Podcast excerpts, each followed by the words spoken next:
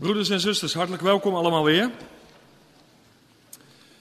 Het is echt een zegen om uh, bij elkaar te zijn en om het woord van de Heer te delen. Het woord wat levend is en krachtig. Dat zullen we vanavond uh, zien, horen. Het uh, woord wat licht geeft in ons leven. Maar niet alleen in ons persoonlijk leven. Het woord wat ook licht verspreidt over Gods helsplan met deze wereld. En ook in het bijzonder met zijn volk Israël. Ik stel voor dat we de Bijbel open doen in de brief waar we aan begonnen zijn, de Hebreeënbrief. En we beginnen te lezen in hoofdstuk 4, het eerste vers. En we lezen door tot en met vers 13. Hebreeën 4, vers 1 tot en met vers 13. De laatste versen die schuiven we door naar de volgende keer, omdat het daar gaat over het hoge priesterschap van de Heer Jezus. En in hoofdstuk 5 zien we dan Aaron, de hoge priester, waar de Heer Jezus Christus bovenuit stijgt. Dus de laatste versen van hoofdstuk 4, die horen bij hoofdstuk 5, het gedeelte wat gaat over Christus die hoger is dan Aaron. Dus vanavond de eerste 13 versen, maar dat geeft genoeg stof tot uh, nadenken. We lezen in Hebreeën 4 het eerste vers het volgende. Laten wij er dan beducht voor zijn dat iemand van u ooit schijnt achter te blijven. Terwijl de belofte om in zijn rust binnen te gaan nog van kracht is. Want ook aan ons is het evangelie verkondigd, evenals aan hen. Maar het gepredikte woord bracht hun geen voordeel, omdat het niet met geloof gepaard ging bij hen die het hoorden. Wij, die tot geloof gekomen zijn, gaan immers de rust binnen. Zoals hij gezegd heeft, daarom heb ik in mijn toren gezworen, mijn rust zullen zij niet binnengaan. En dat terwijl zijn werken al sinds de grondlegging van de wereld voltooid zijn. Onder andere de scheppingswerken. Want hij heeft ergens over, het, over de zevende dag als volgt gesproken. En God heeft op de zevende dag van al zijn werken gerust. En op deze plaats opnieuw, zij zullen mijn rust niet binnengaan. Omdat dus het feit blijft dat sommigen deze rust binnengaan en dat zij aan wie het evangelie eerst verkondigd was, niet binnengegaan zijn vanwege hun ongehoorzaamheid, bepaalt hij opnieuw een zekere dag, namelijk heden, wanneer hij zo lange tijd daarna door David zegt, zoals al eerder gezegd is, heden, als u zijn stem hoort, verhard dan uw hart niet. Want als Jozua hen al in de rust gebracht had, zou God daarna niet gesproken hebben over een andere dag. Er blijft dus nog een sabbatsrust over voor het volk van God. Want wie zijn rust binnengegaan is, die heeft zelf ook van zijn werken gerust. Zoals God van de zijne. Laten wij ons dan beijveren, dat wil zeggen inspannen, om die rust binnen te gaan. Opdat niemand door het volgen van dit voorbeeld van ongehoorzaamheid ten val zal komen. Want het woord van God is levend en krachtig en scherper dan enig tweesnijdend zwaard. En het dringt door tot op de scheiding van ziel en geest, van gewrichten en merg. En het oordeelt de overleggingen en gedachten van het hart. En er is geen schepsel onzichtbaar voor hem die alles, geen schepsel onzichtbaar voor hem, maar alles ligt naakt en ontbloot voor de ogen van hem aan wie wij rekenschap hebben af te leggen. Tot zover.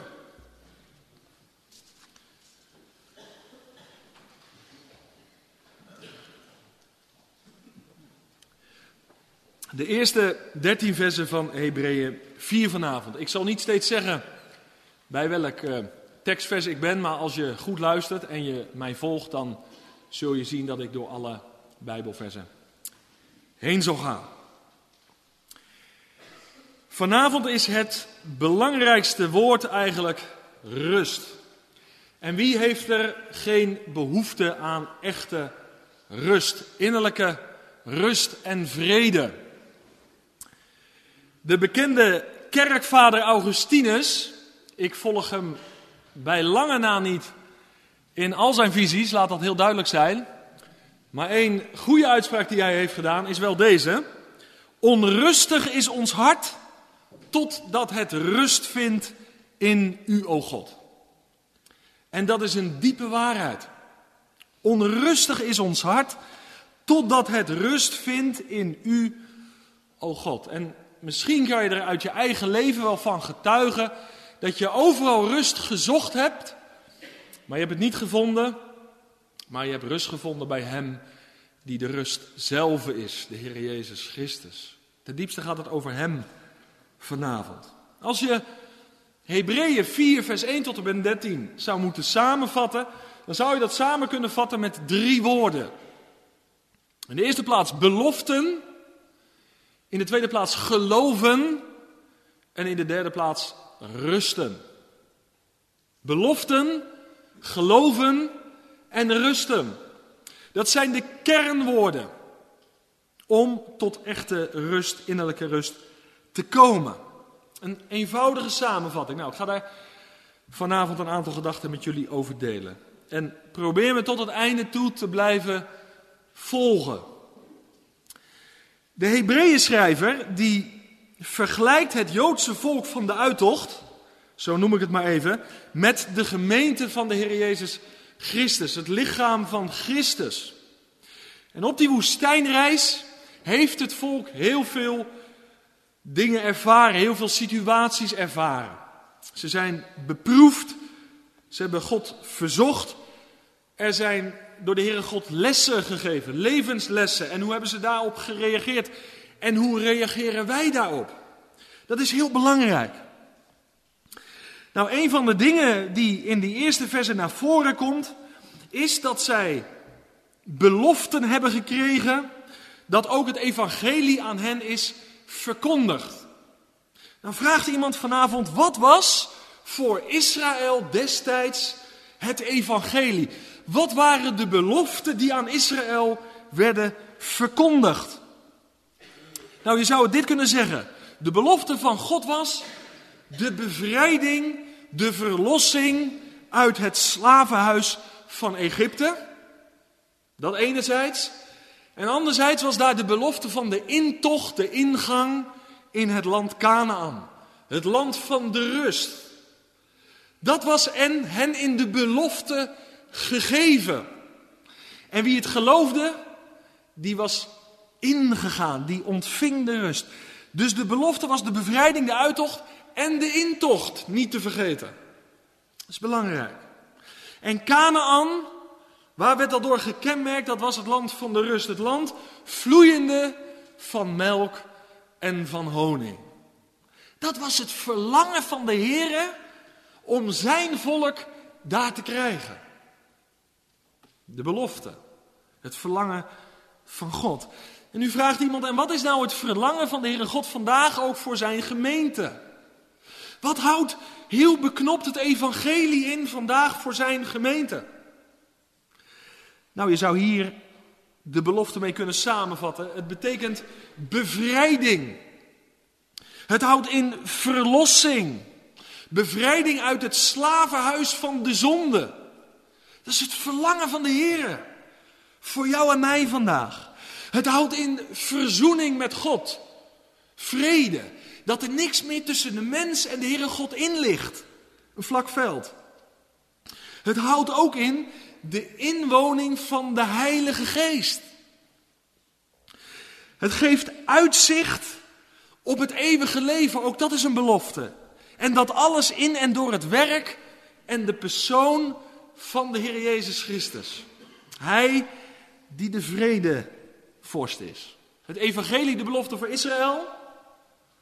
Het evangelie de belofte voor de gemeente. En heel eenvoudig dit, hoe deelde men daar nou in? Onder het oude verbond en hoe deel je nou in de inhoud van die belofte onder het nieuwe verbond? Want alleen beloften, Daarmee heb je nog niet de inhoud van de belofte. Begrijp je wat ik daarmee bedoel? Dat hadden ze nog niet onder het oude verbond, dat hadden ze niet onder het nieuwe verbond. Nou, hoe deelde en hoe deelt de mensheid vandaag, Jood en Heiden, in de rijke inhoud van Gods belofte? Slechts door te geloven. Dat is de sleutel. Door te vertrouwen.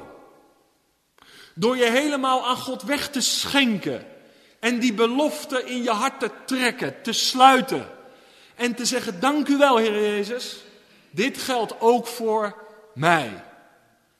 En wat zeg je dan? Amen. Door te geloven. Niet meer en niet minder. Het geloof laat ons delen in de inhoud van al Gods beloften. En alle beloften zijn in de Heer Jezus Christus ja en amen, vast en zeker. Wie het gelooft, die heeft het. Zo eenvoudig is het. En je moet het niet moeilijker maken. Geloof was tijdens de uittocht uit Egypte, luister goed, de voorwaarde om uiteindelijk Canaan binnen te gaan. Geloof was de voorwaarde. Meer als geloof vroeg de Heere God niet. En nou is het belangrijk, nou is het zaak dat jij en ik de geest van Jozua en Caleb hebben. En wat was dat voor een geest? Nou, heel eenvoudig dit. Dat was een geest die zij in zich hadden, die God meer geloofde dan dat ze mensen geloofden. Amen? Dat was het verschil. Want groter was het verschil niet, meer was het verschil niet. Want Caleb en Jozua getuigden. Als de Heere God ons dit land geeft, als Hij ons dat beloofd heeft, dan zullen we binnengaan. Vast en zeker. Het was niet zo dat Jozua en Caleb een soort van gespierde mannen waren, die het wel zagen zitten qua mankracht of zo. Maar Jozua en Caleb waren mannen die wisten wat ze aan hun God hadden. En die mannen en vrouwen hebben we nodig. En wie het gelooft, die heeft het. En wie zijn het land ingegaan? Deze mannen.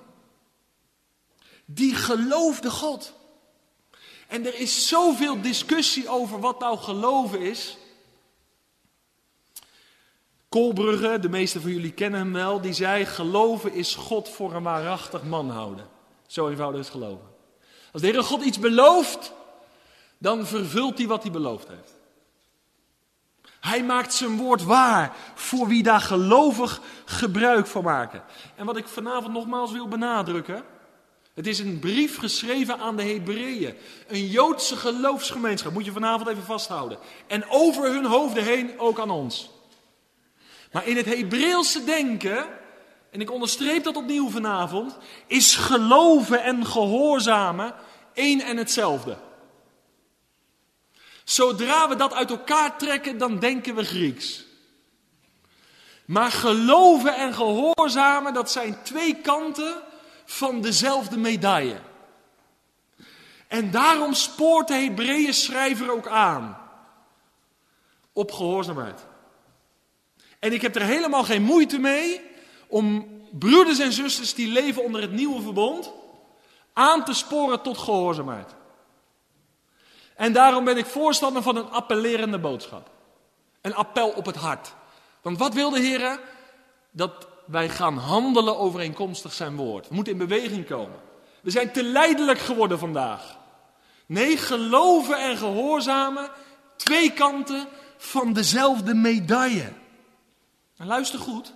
Ongehoorzaamheid, waar het over gaat in die eerste verse. Ongehoorzaamheid is een uiting van, is een reactie vanuit ongeloof.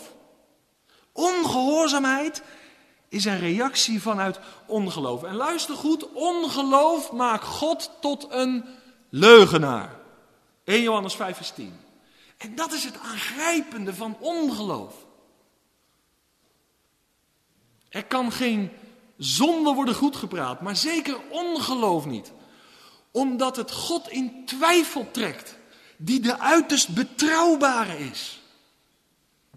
Geloof en vertrouwen in de belofte van God zijn de sleutels tot de ware rust. En dat vind ik zo bijzonder. De belofte van God, het evangelie. Toen aan het volk verkondigd, vandaag aan ons. Dat is het fundament, de belofte van God. En ik las ergens een mooie uitspraak, die ben ik niet meer vergeten, van een broeder.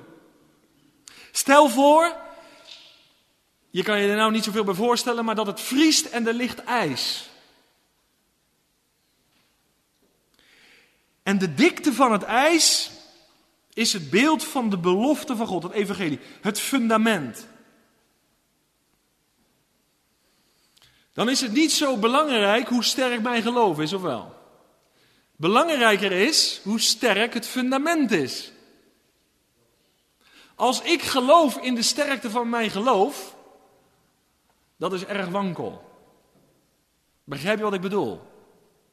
Je kan geloof hebben in dun ijs, maar je gaat er toch doorheen. Ja, je zegt, mijn geloof is zo sterk in dun ijs.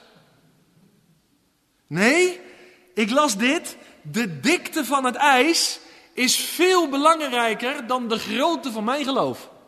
En zo is het. De dikte van het ijs is veel belangrijker dan de grootte van mijn geloof.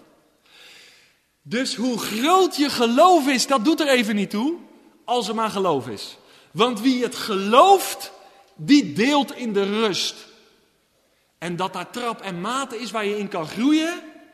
Maar ik zal hem nog een keer herhalen. De dikte van het ijs is veel belangrijker dan de grootte van mijn geloof.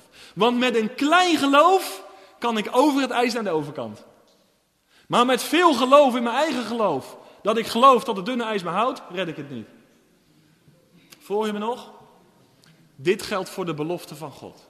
Mijn geloof is gefundeerd in de belofte van God.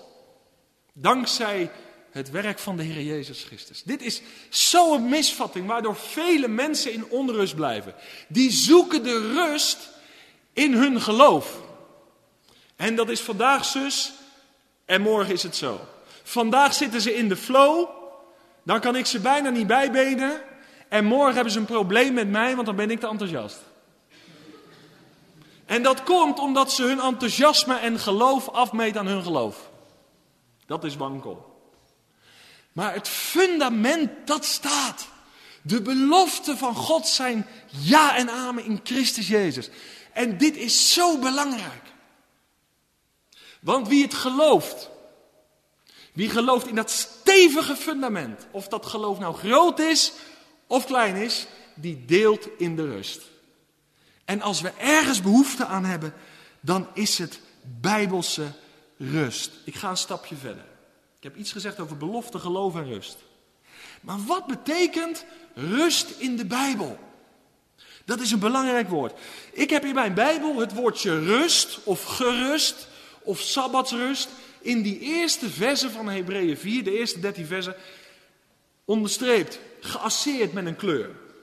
En wat je dan ziet, is dat het woordje rust het kernwoord is in de eerste 13 versen van Hebreeën 4. Eerst even een vraag. Ken je die rust? Ik moet altijd denken aan het oude lied uit de bundel van Johannes de Heer. Zondaar, zoek je rust en vrede. Levensvreugd en stervensmoed. Niets deelt je de wereld mede. Alles verkrijg je aan Jezus voet. Zo eenvoudig, maar o zo waar. Echte rust in je hart. Want ik ga nu het woordje rust uitwerken. En dan zie je dat de rust in onze ziel, in ons innerlijk, het verlangen is van onze hemelse Vader. Van het begin zal ik je laten zien tot straks in het einde. Rust. Dat is het verlangen van de schepper voor zijn schepsel. Het woord sabbatsrust, gerust, rust komt hier elf keer voor. En als je gaat kijken, dat is interessant, naar de definitie van rust. Als je het in het Grieks bekijkt bijvoorbeeld, dan staat er zoiets als stoppen met activiteiten. Dat is toch wel mooi. Rust wil ook zeggen doen ophouden, tot rust komen. Maar wat ik mooi vind, Als je het in het Hebreeuws gaat bekijken, dan betekent het zoveel als, het woordje rust, luister goed, tot je bestemming komen. Tot je doel komen. Gemeenschap krijgen aan, opgenomen worden in. Echt tot je doel komen. En dat kan ik heel makkelijk aantonen. Aan de hand van het volk Israël. Is zo mooi. Toen het volk Israël in de woestijn verbleef, na de uittocht uit Egypte, was het op weg naar het beloofde land, naar Canaan. Het doel was niet de bevrijding uit Egypte, het doel was Canaan. Het doel van de Heere God met zijn volk was rust. De noemde dit ook de rust waarnaar het volk onderweg was. Rust was de eindbestemming. Rust was het doel. Dat de Heere God zijn volk zag rusten. Zag genieten van wie hun God was. En wat hij met hen deelde. Dat was het verlangen, dat was op zijn hart. Nu bladeren we even naar Genesis hoofdstuk 2. Want waar wordt dat woordje rust nou voor het eerst genoemd?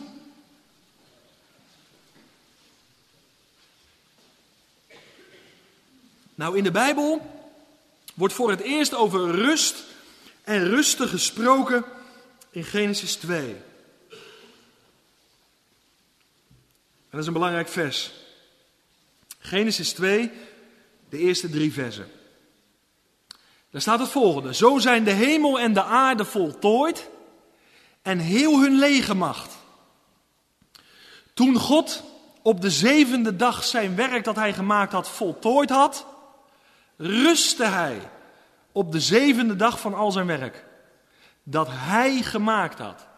En God zegende de zevende dag en heiligde die, want daarop rustte hij van al zijn werk dat God schiep door het te maken. De Heere God rustte. De schepper rustte. Onze maker, onze formeerder. Hij nam rust. De zevende dag. Hij had de hemel en de aarde gemaakt en hij rustte. Moet je dit goed onthouden. De rust was er al vanaf het begin. Rust is een kenmerk van onze schepper. De rust is ook altijd bij de Heere God gebleven.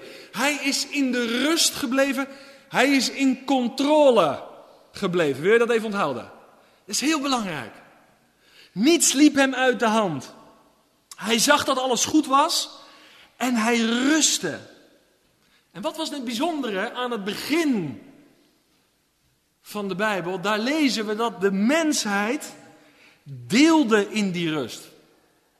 Daar moet je vasthouden om vanavond het wonder te begrijpen en je erover te verwonderen. Dus de Heere God was in de rust, hij was in controle, maar hij liet zijn schepselen in die rust delen. We leefden in volledige harmonie met God en met de medemensen. We kwamen echt tot onze bestemming. We kwamen echt tot ons doel. En de Heere God verblijde zich over zijn schepselen. Het was een wereld zonder zonde, zonder smart en zonder onrust. Volledige rust. Wat is dat geweest? Dat is geweldig. Dat is heerlijk. En laat dat duidelijk zijn, dat was op het hart van God om te doen. De mensheid te laten delen in zijn rust. Hij gaf zelf het voorbeeld op de zevende dag. Echter, Genesis 3, het bekende hoofdstuk, daar kwam de zondeval. En de zondeval heeft de rust verbroken. En onrust is ons deel geworden. En dat is belangrijk wat ik net zei. God was in controle. De rust is er bij hem. De rust is ook bij hem gebleven. Maar luister goed, bij de mensheid is de onrust gekomen. Rust was een deel, maar door de zondeval is onrust ons deel geworden. En de stappen die ik nu ga maken zijn heel belangrijk dat je dit vat en pakt. Want uiteindelijk gaat God die rust terugbrengen. Zijn oorspronkelijke plan. Dat zijn schepping deelt in die volmaakte harmonie, in die volmaakte rust. Dat zijn schepping en zijn schepsel tot zijn doel komen. Dat gaat de Heere God herstellen. En dat is zo'n bemoediging en dat is zo geweldig om die lijnen in de schrift te ontdekken. De rust werd verbroken, onrust werd ons deel. Toen later in de geschiedenis, blijf me volgen. Later in de geschiedenis, toen de Heere God Israël had verlost uit het slavenhuis van Egypte, gaf de Heere God zijn wet via Mozes aan het volk. Voor de schrijvers onder ons, Exodus 20. En die rustdag, die zevende dag, legde hij vast, verankerde hij in zijn wet. En die wet verwoordde iets wat in het vaderhart van God was. luister goed, dat de mensheid leefde tot eer van God en dat het de mens wel zou gaan. Dus die rustdag werd verankerd in een wet, vastgelegd. De zevende dag, de Sabbatdag. Shabbat, wat betekent dat? Dat betekent dag van rust of dag van ophouden. En dat had tot gevolg ophouden of rusten van de arbeid. En het is bijzonder en belangrijk. Tijdens de Shabbat staat het Joodse volk ook stil bij het scheppingswerk van Yahweh, van de eeuwige. Daar denken ze aan. Ze denken terug aan zijn scheppingswerk, aan zijn machtige daden, aan zijn scheppingswerken. En ze herinneren zich ook de rustdag. De Sabbat was dus een type van de rust die God voorstond en waarin we straks de vervulling zien in de Heer Jezus Christus. De Sabbat is een type van de rust. Het is een schaduw van dat waar we in Christus de werkelijkheid van hebben ontvangen. Lees na 2, of sorry, Colossense 2, vers 16 en 17. Het was een schaduw, de Sabbat, waarvan we in Christus de werkelijkheid hebben ontvangen. Colossense 2. Was weer iets verder in de geschiedenis. Gaan we nog een stapje verder. Nog weer later. En daar lezen we ook van in eh, de Hebreeënbrief. Nog weer later leidt de Heer zijn volk onder leiding van Jozua het beloofde land in. Als je het woordje Jozua in de Hebreeënbrief, de naam Jozua bekijkt, dan staat daar in de grondtaal hetzelfde woordje als van de Heer Jezus.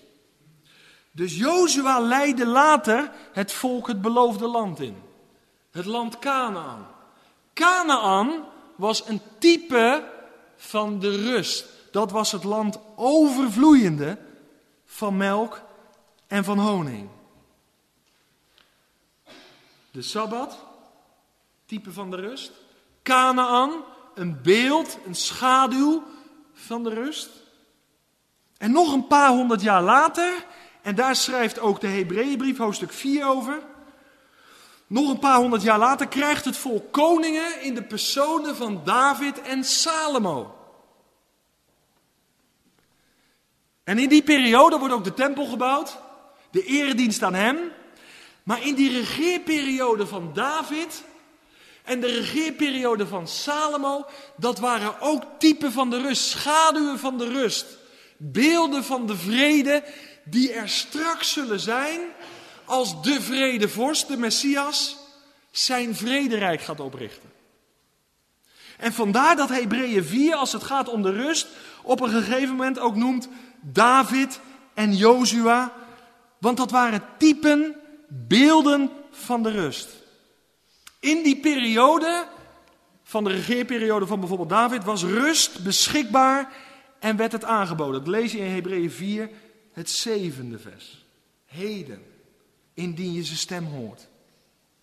Dus je ziet, door de geschiedenis heen, en ik hoop dat je die lijn pakt, vanaf de schepping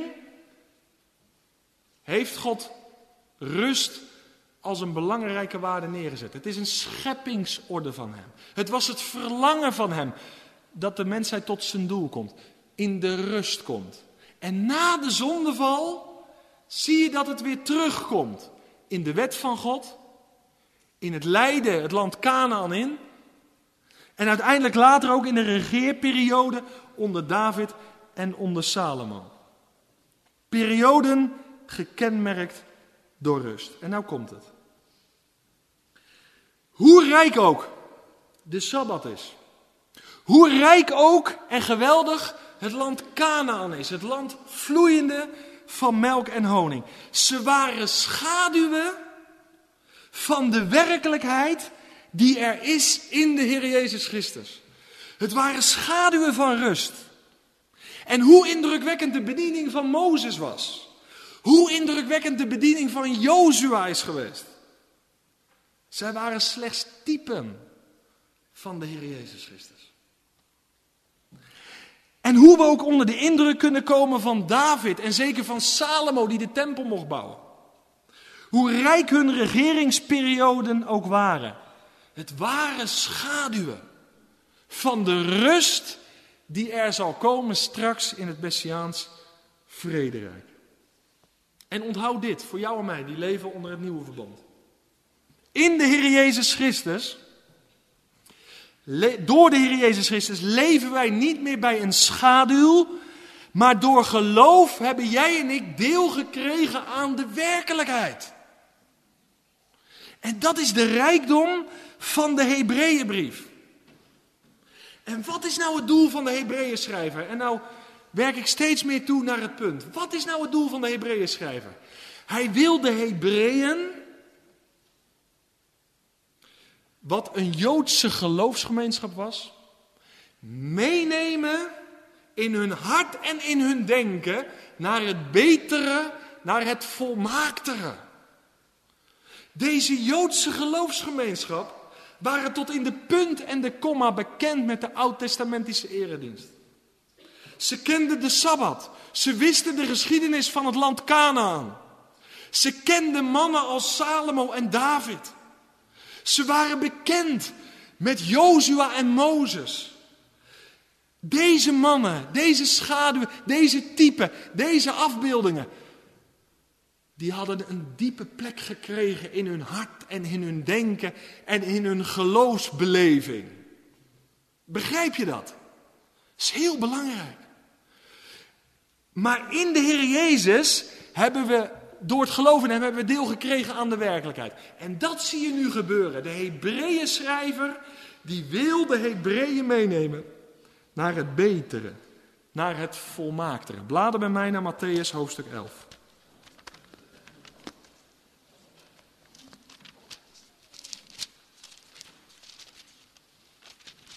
Matthäus hoofdstuk 11.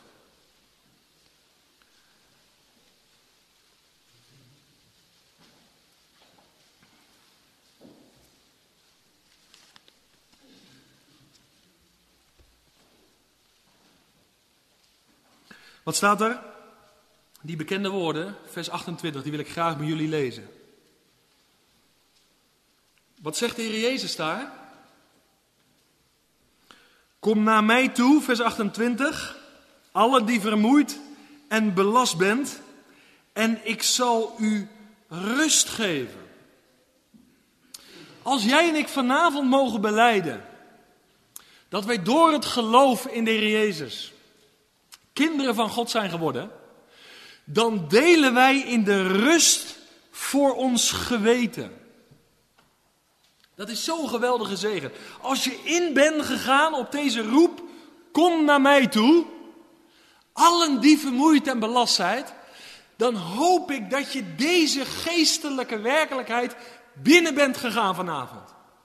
En dat je kan zeggen vanuit de volle overtuiging van je hart. Met Paulus in Romeinen 5, het eerste vers, waar staat: Wij dan gerechtvaardigd uit het geloof hebben vrede bij God door onze Heer Jezus Christus. God nodigde jou en mij door het evangelie, de belofte.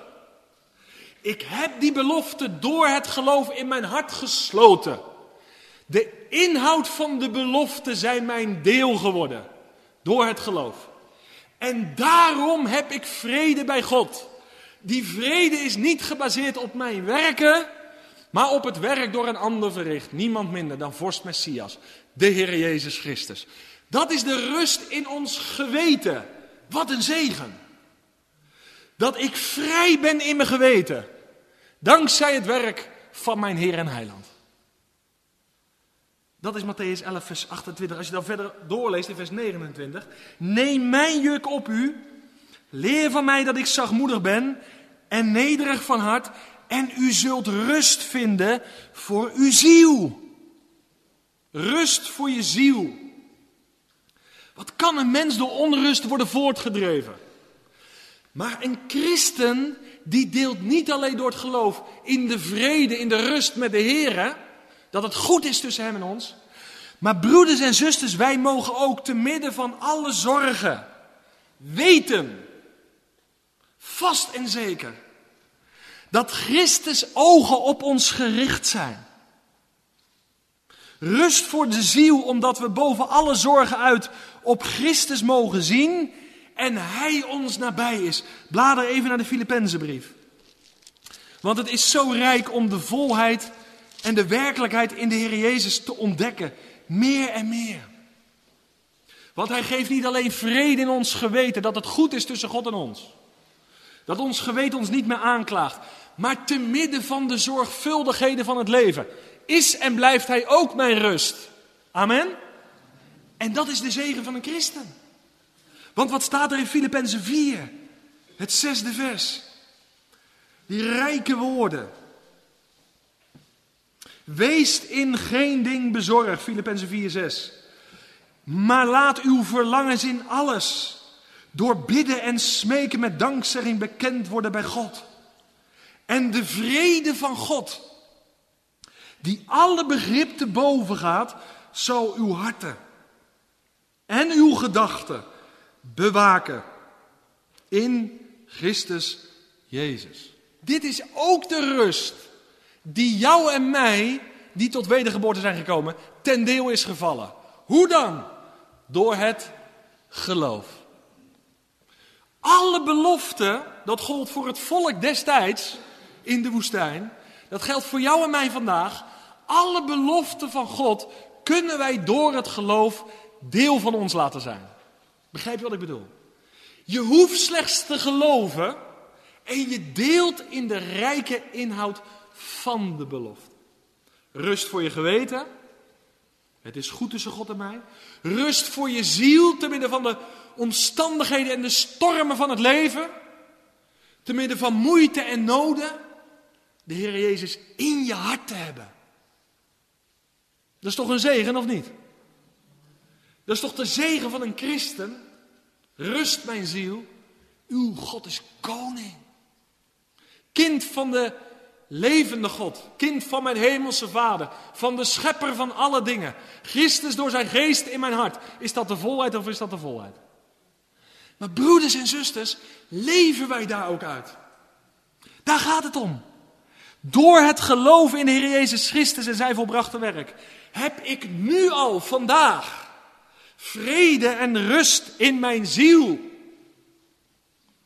En wat een zegen is dat. In een wereld die wordt voortgedreven door onrust. En velen zoeken het hierin en velen zoeken het daarin. Maar ook in de kerk. Ik sprak het weekend op de Veluwe. Daar komt een man naar me toe en die getuigde iets over iemand die aan het evangeliseren was op straat. En die persoon die aan het evangeliseren was, die vroeg, kent u de Heer Jezus, waar bent u naar op weg? Toen zegt die man, ja ik mag hem al tien jaar kennen, maar ken jij hem ook? Hij zei, ja dat weet ik eigenlijk niet. Aangrijpend. Dus er zijn mensen in de christelijke gemeente actief met van alles en nog wat, maar die de vrede missen in hun hart. Die geen rust hebben. Omdat het zo ingewikkeld is van Gods kant af? Nee, omdat ze in ongehoorzaamheid en ongeloof hun weg gaan. En alles draait maar door, lijkt het. Terwijl vele kerken gevuld zijn met ongelovige mensen. En dan is dit altijd te hoog wat ik nu deel. Maar dat zit hem niet vast op de Heere God en zijn handelen met de mensheid. Maar dat zit vast op het ongeloof en de ongehoorzaamheid van de mensheid. Want wie het gelooft, die heeft het. En mijn vraag is, ken je nou die rust niet alleen in theorie, maar die diepe rust in je geweten, in je ziel?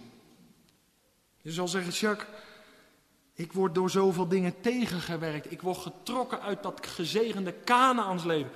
Velen doen ook in mijn ziel een poging om me uit dat leven te trekken. Moet ik eens wat noemen? Als je in je leven bezig bent met de zonde en zondige gewoonten. Ik las over verkeerde en schadelijke denkpatronen. Een duister denken over andere mensen. Altijd een oordeel klaar hebben. Paulus zegt, wordt vernield in je denken.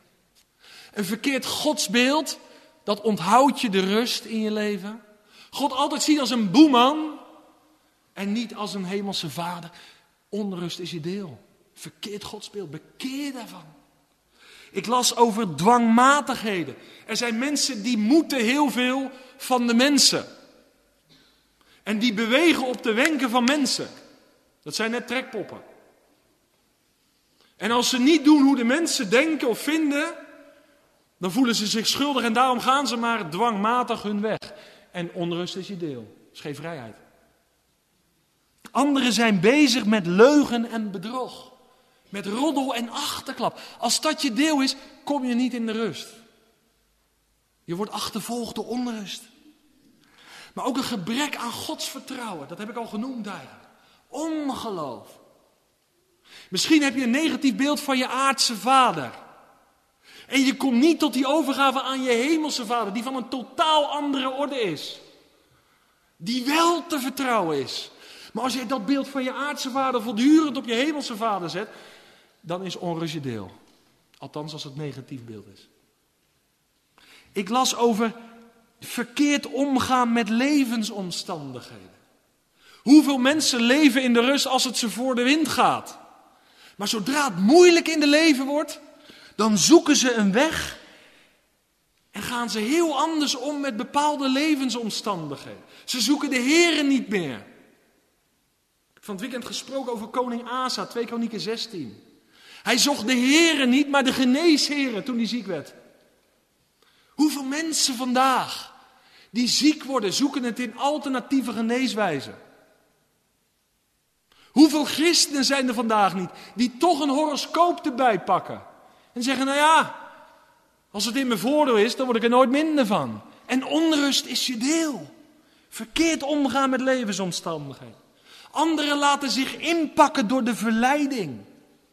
Laten zich meenemen in hebzucht, in geldzucht, in materialisme. Hoe is dat in je leven? Als je allemaal maar gefocust bent op geld en goed en materialisme en huizen en aanzien en status, dan is onrust je deel. En ik kom wat mensen tegen die zeggen tegen me, Jacques, ik vind het zo moeilijk om in die rust in te gaan. Maar dat komt omdat ze verkeerde prioriteiten in hun leven stellen. Paulus die zegt, toen ik Christus leerde kennen, toen heb ik alle schade en drek leren achten. Maar hoeveel mensen die beleiden wederom geboren te zijn, zijn bezig met hun auto en met hun huis en met hun baan en met hun status en met hun eer en met hun aanzien. Onrust is je deel. De Bijbel zegt die dingen gaan voorbij. Maar wie de wil van God doet, blijft tot in het eeuwige leven. Weet je wat ik bijzonder vind aan Hebreeën 4? Om in de rust in te gaan, schrik niet, moet je gehoorzaam zijn. Maar rust en gehoorzaamheid, dat zien wij niet samen. De Bijbel zegt, wie gehoorzaam is, wie wandelt in de wil van God, zijn deel is rust. En dat vinden we moeilijk. Moet ik nog wat noemen? Verslavingen. Vul het lijstje maar in. Maar ook ongehoorzaamheid aan Gods wil en leiding. Als de Heere God iets in je leven openbaart, iets duidelijk maakt, een bepaalde waarheid, dan moet je daaraan gaan gehoorzamen. Doe je dat niet, is onrust je deel. Er zijn dingen in mijn leven geweest die de Heer openbaarde. Als het gaat om een gemeentevisie of als het gaat om een doopvisie. En ik werd overtuigd in mijn denken en in mijn hart, maar ik deed het niet. Onrust was mijn deel. God openbaart dingen zodat je gaat gehoorzamen. En wat is het gevolg? Rust in je hart. Ongehoorzaamheid geeft onrust. En dat is moeilijk in een gezin ook. Mijn kinderen denken soms dat de eis van gehoorzaamheid voor hen niet nuttig is. Maar zodra ze gehoorzamen, zullen ze ervaren in hun hart en in het gezin rust. En dat is in de Bijbel aan elkaar verbonden. Ik stop met mijn lijstje, want ik loop het gevaar om dat waar jij in vast zit niet op te noemen. Maar vul het voor jezelf in. De rust van God is beschikbaar. Het was in het begin op het hart van de Schepper. Om ons tot ons doel te laten komen. Om in de rust te zijn. En de beelden van de Sabbat, Canaan, Salomo, David. Ik heb ze allemaal genoemd. Mozes, Jozua. Het zijn schaduwen typen om ons te laten zien wat het verlangen is van de Heere God. En in de volheid kwam de tijd, kwam de Heer Jezus. En hij heeft ons genodigd. Kom tot mij, die vermoeid en die belast zijt. En ik zal je rust geven. Als een vaste zekerheid. En die rust mogen we ingaan. Hoe ga je dat in? Door Jezus te geloven, Hem te vertrouwen. En dat is zo belangrijk. Blader even met mij naar Hebreeën 4.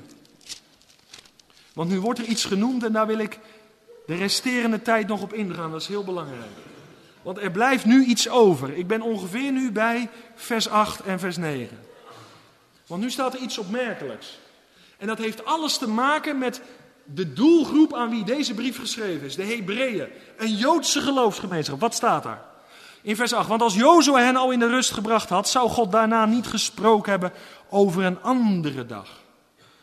Er blijft dus nog een sabbatsrust over voor het volk van God. Er blijft nog iets over. Er staat nog iets uit. We zien nog naar iets uit. De sabbatrust. En vers 9 die laat iets zien waar we, naar mijn overtuiging, vlak voor staan. Vers 9 spreekt toch nog over een sabbatsrust die overblijft, die nog uitstaat, die ligt in de toekomst. En dit is misschien wel de ontknoping van de avond. En mijn hart gaat branden en gaat sneller kloppen.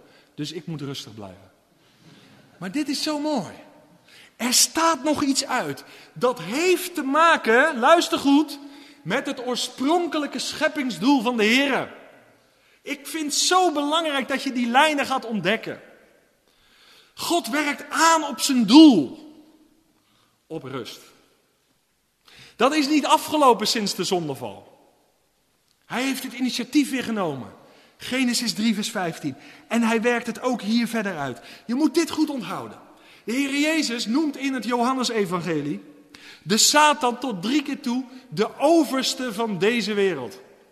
Moet je goed onthouden als het over rust en onrust gaat. De Heer Jezus heeft dat niet alleen zo genoemd. Jij en ik, als je je ogen niet in je zak hebt en je oren niet in je zak, dan zien we de gevolgen daarvan om ons heen. De Satan is op dit, overste, dit moment de overste van deze wereld. De gevolgen daarvan, van dat gegeven vanuit het Johannes-evangelie, zijn merkbaar, zijn zichtbaar, zijn voelbaar, zijn tastbaar. Gebrokenheid, onrecht en onrust is het deel van de mensheid. Even vasthouden. Dat heeft te maken met de heerser over deze wereld op dit moment. De Bijbel leert ook in Psalm 90 en in 2 Petrus 3 dat één dag bij de Here is als duizend jaar en duizend jaar als één dag. Je zegt, je hebt het toch over Hebreeën 4? Ik heb het over Hebreeën 4.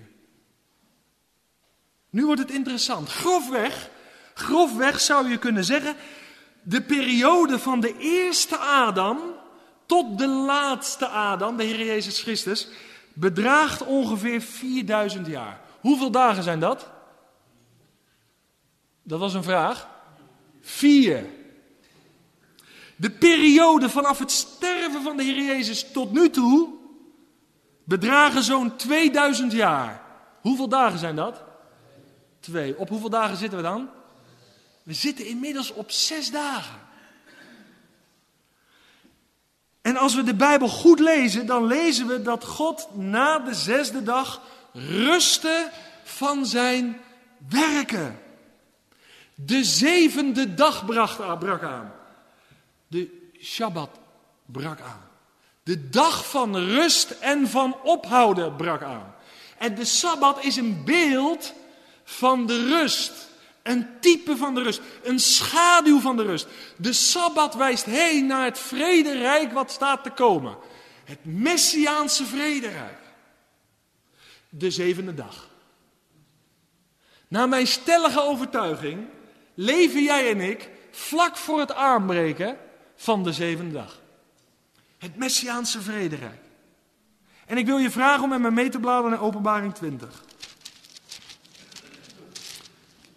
En ik geloof dat als het over rust gaat in Hebreeën 4, dat de schrijver van deze brief vooral deze rust bedoelt. Oh ja, zeker, er is, er is rust in ons geweten. Er mag rust zijn in onze ziel. Maar die Hebreeërs, die verwachten een periode van rust, niet in de hemel, maar hier op aarde. En de Hebreeën schrijver gaat hem bemoedigen. Die zegt, in de Heer Jezus Christus hebben we de werkelijkheid. Maar die periode van rust en vrede, waar jullie hartstochtelijk naar verlangen. Waarom? Omdat de Messias dan het middelpunt zal zijn, die tijd staat aan te breken. En daarmee gaat hij hem bemoedigen. Want dat was hun verwachting. Hij heeft het helemaal op een rijtje gezet. Van Genesis, de scheppingswerken, de Sabbat, Canaan, Jozua, David, Salomo, Mozes. De volheid, de werkelijkheid in Christus. Dank u wel, Heer Jezus. Dat u die volheid ook aan mij hebt gegeven, dat u mij daarin laat delen. En alsof het nog niet genoeg is, er komt nog een heerlijke tijd aan. En dat is waar Hebreeën 4, vers 9 over spreekt. Wat staat er in Openbaring 20? En ik, het eerste vers. En ik zag een engel neerdalen uit de hemel. Met de sleutel van de afgrond en een grote ketting in zijn hand. En hij greep de draak, de oude slang. En dat is de duivel en de Satan. En bond hem voor hoeveel jaar? Duizend jaar. Ik heb net gezegd vanuit het Johannesevangelie. De overste van deze wereld, zegt Jezus, is de Satan. Openbaring 20 zegt mij dat vlak voor het duizendjarig vrederijk, wie wordt er dan gebonden? Dan wordt de Satan gebonden. En het resultaat daarvan is dat de rust weerkeert, om het zo te zeggen. Christus wordt dan Messias. Vers 3. En wierp hem in de afgrond en sloot hem daarin op. En verzegelde die boven hem, opdat hij de volken niet meer zou misleiden. Totdat de duizend jaren tot een einde gekomen zouden zijn. En daarna moet hij een korte tijd worden losgelaten. En ik zag tronen. En zij gingen daarop zitten en het oordeel werd hun gegeven. En ik zag de zielen van hen die onthoofd waren om het getuigenis van Jezus. En om het woord van God, die het beest en zijn beeld niet hadden aangebeden. En die het merkteken niet ontvangen hadden op hun voorhoofd en op hun hand. En zij werden weer levend en gingen als koningen regeren met Christus duizend jaar lang. Er staat niet regeren met Jezus, met Christus. Met de gezalfde, met de Messias. De rust keert terug. En wat het doel was van de Heere God aan het begin van de schepping. De mensheid deelde in de rust. Gaat hij terugbrengen. Mozes, Jozua, David, Salomo. Het waren typen van de Heer Jezus. Iets van zijn heerschappij, van de heerschappij van de Heer Jezus, werd in hun leven zichtbaar. De Sabbat en Canaan waren schaduwen van de werkelijkheid die hier gaan aanbreken. Het waren voorproefjes. Maar de werkelijkheid komt er daar waar straks het Messiaans vrederijk gestalte gaat krijgen. En wie is daar het middelpunt? In de allereerste plaats de Christus. De vredevorst. De rustaanbrenger. En let nu goed op. De Heere God gaat zijn rust en vrede niet in de eerste plaats in de hemel terugbrengen, maar hij gaat de rust brengen hier op aarde. En dit is waarom we zo vaak over een koninkrijk lezen. Dat koninkrijk gaat hij hier vestigen. Hij gaat hier orde op zaken stellen. De Bijbel noemt dat, het is een onderdeel van het herstel van alle dingen. En juist dat aspect, dat aspect bedoelt de Hebreeën schrijver in Hebreeën 4, vers 9. Eindelijk rust, eindelijk vrede. Niet alleen voor het Joodse volk, maar ook de heidenen zullen daarin delen. En dat vind ik zo bijzonder. Ik geloof echt. We hebben er zes dagen op zitten. Het aanbreken van de zevende dag is nabij. Het Messiaans vrederijk, luister goed, is de overgangsfase naar de eeuwige rust. De eeuwige rust. De nieuwe hemel, de nieuwe aarde, de achtste dag. De achtste dag spreekt in de Bijbel van iets nieuws. Iets totaal nieuws. En daar werkt God op aan. We zijn al aardig ver gevorderd, vind je niet? En het wordt tijd dat we dit als christenen gaan ontdekken. En dat het ons zal verblijden in ons hart. Kijk, als ik zo'n Hebreeën 4 lees, dan lees ik, waar lees ik voor het eerst van die rust? In het eerste Bijbelboek. En waar werkt God door 66 Bijbelboeken heen naartoe? Dat is naar de rust. En wat is het fundament van die rust? De persoon en het werk van de Heer Jezus Christus. En wie delen daarin door het geloof? Zowel Jood als Heiden. Dit is toch een indrukwekkend helsplan van God, of niet? Dit heeft alles met die ene persoon te maken. Kan je nou begrijpen waarom het zo belangrijk is om de Heer Jezus centraal te houden in je leven? Het gaat om Hem. Het ging om Hem. Het zal om Hem gaan tot in eeuwigheid. Hij staat daar garant voor. Ik moet gaan afsluiten. Terug naar de Hebreeënbrief. De rust. Wat een zegen, Heer Jezus. Ik hoop dat je iets in je hart ervaart van een stuk aanbidding en lofprijzing. Dat hele machtige helsplan van God, wat ik maar in korte schetsen kan ontvouwen, heeft met Hem te maken. Er is niemand zoals u, zegt een lied. Hij is de ongeëvenaarde, hij is de unieke. En, en, en laat je vanavond bemoedigen, broeders en zusters. Niets en niemand kan de Heere God van zijn plan afhouden. Niets en niemand. Geen grote van deze wereld, geen politiek leider of kerkelijk leider, niemand niet. God volvoert zijn plan. En daar ben ik zo blij mee. En ik hoop dat je die dingen ziet in deze brieven. Dat je die dingen oppakt in deze studies. En dat je zegt, Heer Jezus, ik heb alleen naar u gekeken voor vergeving van mijn zonde. Maar dat is zo een stukje van uw boodschap. Ik word steeds meer bemoedigd en bevestigd dat u uiteindelijk aanwerkt op de voltooiing, op het herstel van alle dingen. Zodat wij als mensheid weer echt tot ons doel komen. En dat is onze rust in God. En dan ga ik afsluiten. Door het geloof in de Heer Jezus hebben wij nu reeds al rust in ons geweten in onze ziel. En te midden van een onrustige wereld, te midden van mensen die het overal zoeken, maar nergens vinden, kan jij morgen getuigen. Ik heb toch een rust in maat, joh. Heel bijzonder. En ik wil je daar graag iets van vertellen. Dat zit zeker in je karakter. Of je kan het zeker goed ordenen in je hoofd. En al de prikkels die vanuit de wereld tot je komen, dat doet jou zeker niet veel. Je kan dat goed verwerken. En daardoor blijf je zo kalm. Je bent zo rustig. Nee, nee, nee, nee. Het zit hem niet in mijn karakter. Mijn karakter heb ik een beetje tegen. Het zit hem in een persoon die ik heb leren kennen. En ik ben één keer in mijn leven op zijn uitnodiging ingegaan. Komt allen tot mij. Die vermoeid en belast zijn. En ik heb rust voor mijn geweten gekregen. Ik heb rust in mijn ziel gekregen. Ik heb vandaag rust, ik krijg morgen rust.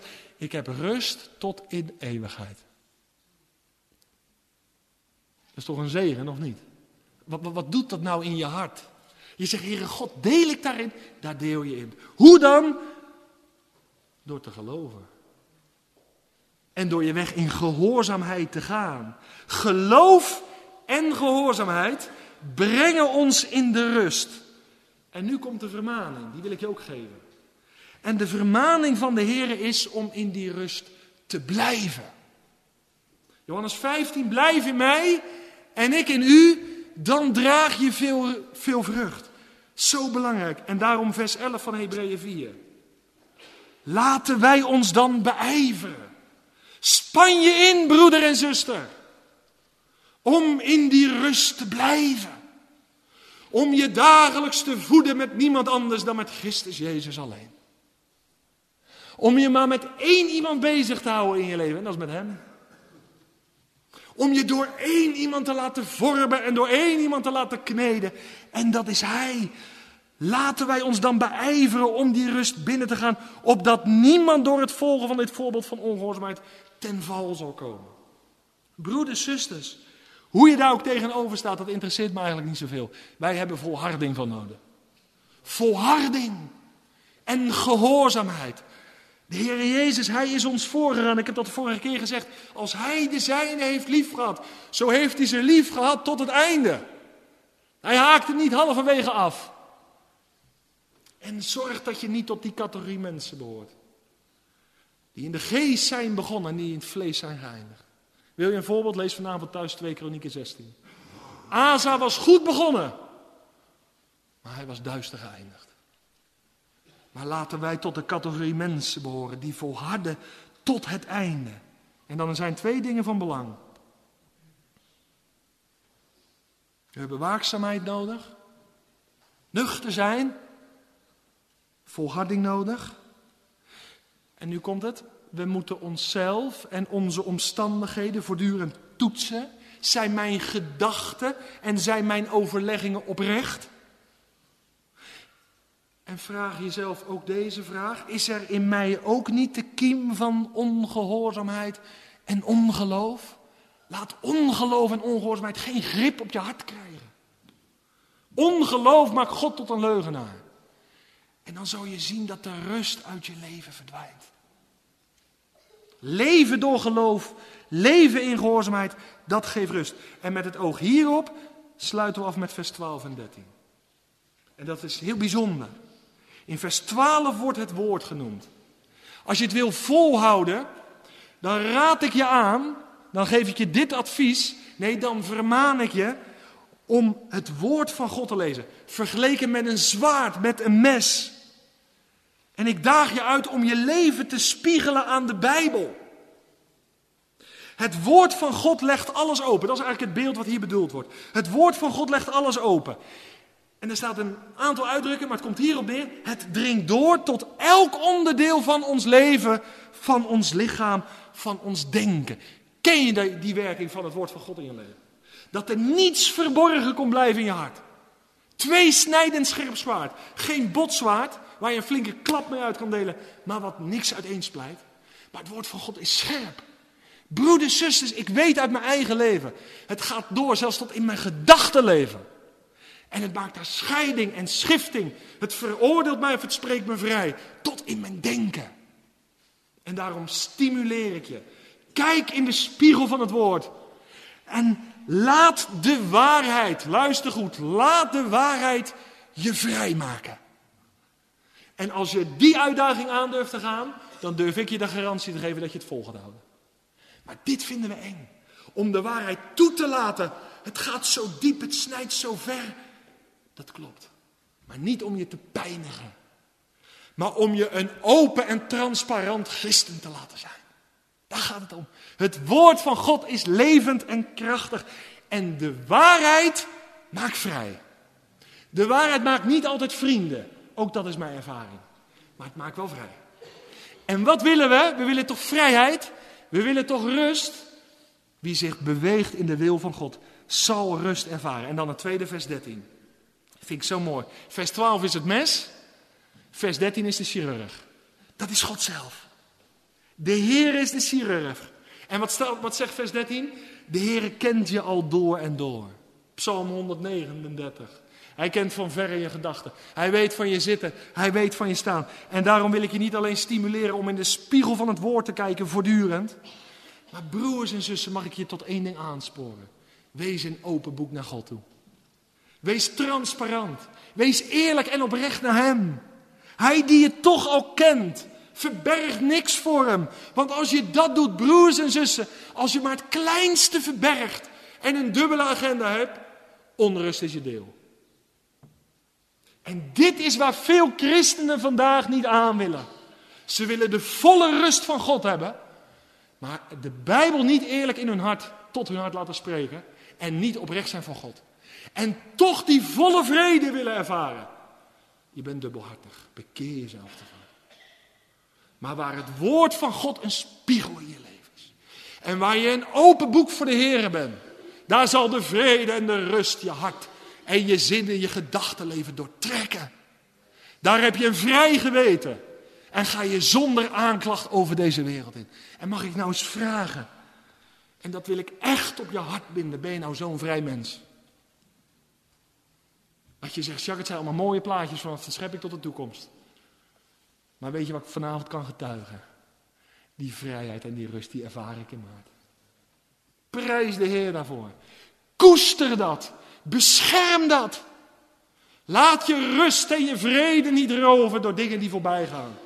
Laat je rust en vrede niet roven door mensen, zeker niet door godsdienstige mensen. Maar sta dan in de vrijheid waarmee God je vrijgemaakt heeft. En wandel door de geest die leidt in de waarheid. En de waarheid maakt je vrij. En dan kan je gerust leven, vandaag en morgen en in de toekomst. En dan kan je niet hoogmoedig zeggen, maar wel oprecht. Niemand doet me wat. Rust mijn ziel. Uw God is koning. Rusten in de handen van mijn heiland. Die het helemaal klaar gaat maken.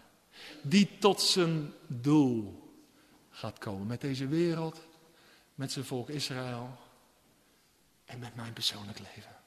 Dit is toch een zegen vanavond hier was of niet? Het is toch een voorrecht dat je deze God mag dienen. Die niet zei, ja Jacques, ik heb het werk wel aardig gedaan, maar drie kwart. Nee, nee, nee, hij maakt het helemaal af. Hij doet het helemaal af. Hij maakt het af. En daarom, broers, zussen, als er iets is in je leven, waar nodig, laat je behandelen door deze chirurg. Laat je corrigeren door hem. Laat je genezen door hem. Laat je helen door hem van binnenuit. En wees een open boek voor God en mensen. En de vrede van God, die alle verstand te boven gaat, die zal je hart en je gedachtenleven bewaren in Christus Jezus.